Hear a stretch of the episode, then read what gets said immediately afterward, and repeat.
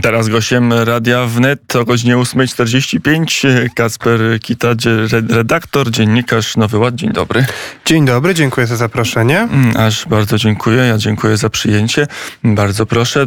Y, panie redaktorze, tekst, który pan ostatnio na, łamach Nowego Ładu mm, opublikował o nowej arystokracji, o tym, że na naszych oczach y, coś się zmienia i że dyskurs równościowy, który panował przez kilkadziesiąt, no ponad prawie 200 lat, więc kilkaset lat właśnie się załamuje i że e, pojawia się dyskurs, że już nie każdy jest równy wobec prawa, że są równi i równiejsi. Zdecydowanie. E, wszystkie zwierzęta są równe, ale niektóre są równiejsze, jak mawia klasyk.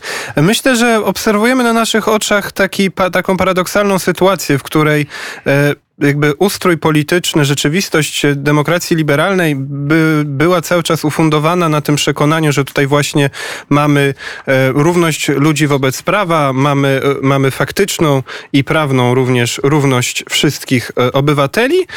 Na tym, była ufundo, na tym była ufundowana cała polityka zachodnia przez ostatnie 100-200 lat na zbliżaniu się do tego ideału równości. Natomiast dzisiaj e, faktycznie e, obserwujemy sytuację, w która jest niekomfortowa w pewien sposób i nowa dla obu stron. To znaczy ta strona e, liberalno-lewicowa de facto e, wytworzyła sobie taką nową arystokrację, która, e, za, która gromadzi w swoich rękach coraz większą władzę polityczną, medialną, finansową, e, w niektórych przypadkach również sądowniczą i jakby uzasadnia, tworzy sobie taką ideologiczną podbudowę do tego, że ona tutaj musi tę władzę gromadzić dla dobra, e, dla, dla dobra całości, dla dobra ludu, który potrzebuje e, tutaj, e, żeby być chroniony przed zagrożeniami. Oczywiście tym najgorszym zagrożeniem jest właśnie populizm, czyli władza, dosłownie nadmierna władza ludu. A my tutaj, na, powiedzmy po tej stronie bardziej konserwatywnej, znajdujemy się w sytuacji, w której jesteśmy przyzwyczajeni, że po rewolucji francuskiej myśmy bardziej, e, no, konserwatyzm to była, e, to, to była poniekąd e, obrona tego starego świata, a dzisiaj tak naprawdę jesteśmy na pozycjach tych rewolucjonistów, którzy bronią ludu przeciwko arystokracji, która uzasadnia swoją władzę z góry, a nie z dołu, tylko że uzasadnia ją z góry nie od Boga, tak jak to robiła stara arystokracja, tylko od swojej ideologii. Mm, I od swojej siły materialnej, ale też swojej presji kulturowej, bo asumptem znaczy przyczynkiem do tego artykułu była wypowiedź mm, Olgi Tokarczuk, która powiedziała, że jej książki nie są dla wszystkich, że trzeba mieć odpowiedź, że e, pisze dla niejako swoich ziomków, którzy mają podobny y, zakres kapitału kulturowego, jak i wrażliwości, jak sama autorka i nie pisze dla idiotów. Miałem pierwszą myśl, czy, czy takie słowa mógłby powiedzieć na przykład e, Henryk Sienkiewicz, że on nie pisze dla polskiego chłopstwa, bo chłopstwo jest ciemne i go nie zrozumie. On pisze dla elity, albo Żeromski, albo, albo tym bardziej e, Raymond, czy jednak coś się zmieniło i że ta nasza współczesna noblistka jakoś tak nie, nie bardzo koresponduje z tymi noblistami z przełomu wieku XX-XIX? Absolutnie nie koresponduje i to jest właśnie ta, ta zmiana, która się dokonała, bo e, inteligencja, e, która uważała się za postępową, nawet właśnie lewicową, jak przecież Żeromski był sympatykiem PPS-u, e, tylko to, było, to, to byli socjaliści patriotyczni e, i przywiązani też do polskiej i europejskiej kultury, e, e, no jednak oni właśnie za clue swojej, za istotę swojej misji uważali e, to, że należy właśnie iść pod strzechy, że należy edukować, należy kształcić, należy pomagać chłopom, robotnikom, ludziom uboższym, ludziom z niższych warstw społecznych, kształcić się, uczyć się czytać, pisać i to było jednocześnie nierozerwalnie związane z tym, że należy ich kształcić ku polskości, tak? Że ci ludzie, którzy są tutejsi, powinni, e, powinni stawać się świadomymi Polakami i, w ten i, i to była jakby misja, którą wyrażał właśnie chociażby Żeromski e, w swoich najważniejszych książkach, tak? E, czy nawet, na, nawet w niektórych mamy przecież mm, sceny czy postaci szlachciców, którzy umierają, którzy poświęcają swoje życie, poświęcają swoje osobiste szczęście, jak, jak doktor Judym w Ludziach Bezdomnych, dlatego, żeby kształcić i pomagać biedniejszym. Tutaj mamy dokładne odwrócenie tego, tak? tak? Ta, ta de facto arystokracja e, liberalna, którą reprezentuje tutaj Olga Tokarczuk, pisze, nie, nie pisze dla całości wspólnoty, w ogóle nie czuje żadnej wspólnoty z tymi ludźmi, czuje wspólnotę z ludźmi na całym świecie, którzy mają podobne poglądy e, i mają podobny, często też podobny status materialny, ale przede wszystkim tutaj tym kryterium jest, e, jest ideologia.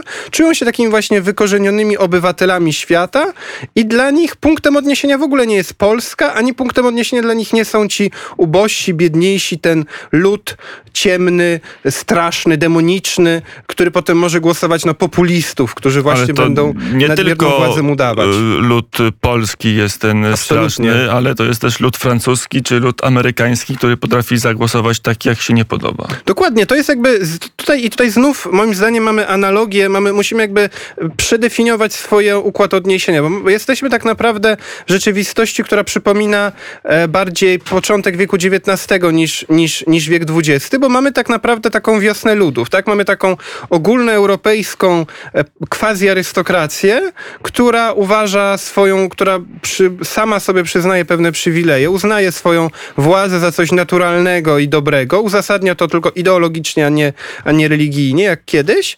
E, I jest to jakby grupa ludzi, która czuje się związana między sobą. Arystokrata polski, francuski, amerykański, brytyjski, włoski, niemiecki, czuje się związany z drugim arystokratą, e, dużo bardziej niż z chłopem, robotnikiem, przedstawicielem ludu ze swojego kraju. I mamy takie, i, i, i ma- i mamy też ciekawą sytuację, bo cały czas nas się straszy tym nacjonalizmem, e, faszyzmem i tak dalej. A znów, czy dzisiejsze ruchy populistyczne, ludowe są, nasta- są nastawione jak ten nacjonalizm dwudziestowieczny do walki między sobą? W ogóle nie. Dzisiaj nikt w, na prawicy dowolnie radykalnej, ale istotnej jakkolwiek, włoskiej, brytyjskiej, francuskiej, polskiej, nie zajmuje się walką między, między narodami. Wszyscy zajmują się tym, żeby zwiększyć władzę swoją, swoich narodów, e, przeciwko tej, przeciwko tej nowej, przeciwko tej nowej arystokracji. Więc jesteśmy moim zdaniem w sytuacji nowej wiosny ludów i pierwszej połowy XIX wieku dużo bardziej niż tej rzeczywistości dwudziestowiecznej. Arystokracja wieku XVIII, ta europejska wieku XIX, to, to ci, którzy tak myśleli, byli raczej w defensywie, to raczej były e, które broniły się przed rewolucją, która miała nadejść nieuchronnie. E, Ta nowa arystokracja spod znaku Olgi Tokarczuk e, wydaje się jednak być bardziej ofensywna, że ona, że ona nie jest tak niepewna świata, w którym żyje, że ona wręcz przeciwnie e, czuje pewność, że jest w stanie te masy zawładnąć i zepchnąć do defensywy. Absolutnie. Oni uważają, że ich władza jest pewną, jest, jest pewną naturalną konsekwencją postępu, jest po prostu naturalnym porządkiem świata. E, i w związku z tym jakby wszyscy powinni się do tego podporządkować. Niektórzy z nich mają nawet projekty, żeby to biologicznie jakoś mm, e, e, utrwalić, tak jak, tak jak e, Yuval Harari, który proponuje, żeby e, ta klasa e, na, na, na, naj- najlepiej sytuowana materialnie mogła, generalnie dążyła do, dążyła do nieśmiertelności przy pomocy rozwoju nowych technologii. E, Wydaje mi się, że to jest też ważne. Dlaczego o tym mówię i piszę? Również dlatego, że jakby musimy przedefiniować ten paradygmat, w którym żyjemy, żeby wygrywać. To znaczy, wydaje mi się, że, że e, jakby jeżeli będziemy funkcjonować w tym paradygmacie, że to oni są tą, mm, tym postępem, który naciera i nieuchronnie wygra, a my jesteśmy tymi obrońcami, e, którzy umierają na Starego Ładu, który umiera na okopach Świętej Trójcy, to jeżeli będziemy mieli taki, e, taki mindset, mówiąc kolokwialnie, piękne bro, bronienia się i pięknej porażki, no to rzeczywiście przegramy. Wydaje mi się, że kluczowe jest dzisiaj zrozumieć, że dzisiaj mm, e, kluczowe jest, żeby zrozumieć, że to my dzisiaj jakby, e, to my dzisiaj tak naprawdę się buntujemy przeciwko zostanemu porządkowi, temu porządkowi liberalnemu. I to jest też ważne moim zdaniem, żeby dotrzeć do wielu ludzi, którym, również ludzi młodych, którym się wydaje, że oni tutaj się buntują w momencie, w którym powtarzają to, co im robią, mówią media. A może ta nowa arystokracja dobrze ma poparcie, czy ma w, przynajmniej oparcie w wielkim, globalnym kapitale, który jest czymś nowym i, i trudno uchwytnym e, w naszej cywilizacji, E, ale to też jest jakaś taka słabość papkiniady, że to są, to są takie śmieszne postaci, jak Tomasz Lis, takie, takie osoby, które czują się jednak niepewnie i stąd budują sobie e, taki arystokratyczny jak Olga Tokarczuk swój świat, e, zamykając się w bańce, bo po prostu się boją, też wiedzą, że, że mają taki syndrom złodziejki słynny, że, że są na swoim miejscu, mimo że tam być nie powinni, bo nie mają tego kompetencji. Że to jest też ten element, który wytwarza ten syndrom arystokracji. Oni się, myślę, rzeczywiście autentycznie bardzo, bardzo boją, że przyjdzie ten straszny lud i ich wszystkich i zrobi im straszną krzywdę. To jest moim zdaniem najlepiej to wyrażał e, ten, ten lęk w powiedzmy takiej rzeczywiście intelektualnej, wyższej formie mrożek w swoich dramatach. On tam bardzo często wraca do tego, że przyjdzie ten, no w tangu mamy oczywiście Edka, który tutaj tego inteligenta po prostu upokarza i swoją brutalną siłą sprowadza, e, sprowadza do, do, na koniec do roli swojego narzędzia. Tak brutalnie bierze i tańczy to tango na koniec, ale to mamy w wielu dramatach Mrożka w Karolu e, w, w, e, i, i, i, mamy, i mamy tutaj moim zdaniem właśnie ten zasadniczy lęk. Oni, oni się rzeczywiście boją tego, że trochę, trochę tak jak było właśnie w XIX wieku, że przyjdzie jakiś Jakub Szela i, i, ich wszystkich powyżyna. Co jest absurdalne, no bo e, mamy te wszystkie ruchy, e, ruchy populistyczne, ludowe, prawicowe, które dochodzą do władzy w niektórych państwach. Nigdzie nie było żadnej rzezi ary- e, tej liberalnej elity, nigdzie nie było żadnej rzezi e, imigrantów, czym też się straszy. Chociaż e, takie to postacie są się pojawiają i że, rzeczywiście one stają się żywe w umysłach niektórych. Kacper Kita jest gościem Radia Wnet. Jeszcze rzeczywiście świat trochę wygląda w krzywym zwierciadle albo po drugiej stronie lustra, bo wszystko się odwróciło.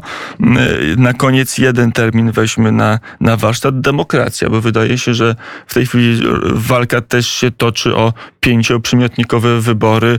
Bartłomiej Sienkiewicz, to było, nie było, ale jednak taką mamy opozycję. Jeden z, z głównych myślicieli opozycji parlamentarnej e, w Polsce w wywiadzie dla, Rzeczpo, dla, przepraszam, dla Gazety Wyborczej e, powiedział, że trzeba zmienić system wyborczy do Europarlamentu, zrobić trzy kasty, e, kastę wielkich miast, która wybiera jedną trzecią posłów, kastę e, kontynentalnych NGO-sów, którzy wybierają również jedną trzecią i kastę pozostałych, którzy wybiorą tą mniejszościową jedną trzecią i, i tam będą się kisić, a te dwie te trzecie, pierwsze, czyli NGO-sy i wielkie miasta będą trwale rządzić. To jest pomysł na demokrację głównego myśliciela liberalnej opcji w Polsce. Nie, już się- Bartłomiej Sienkiewicz niewątpliwie jest człowiekiem bardzo inteligentnym, erudytą i on jakby to, to, co on mówi, trzeba traktować poważnie.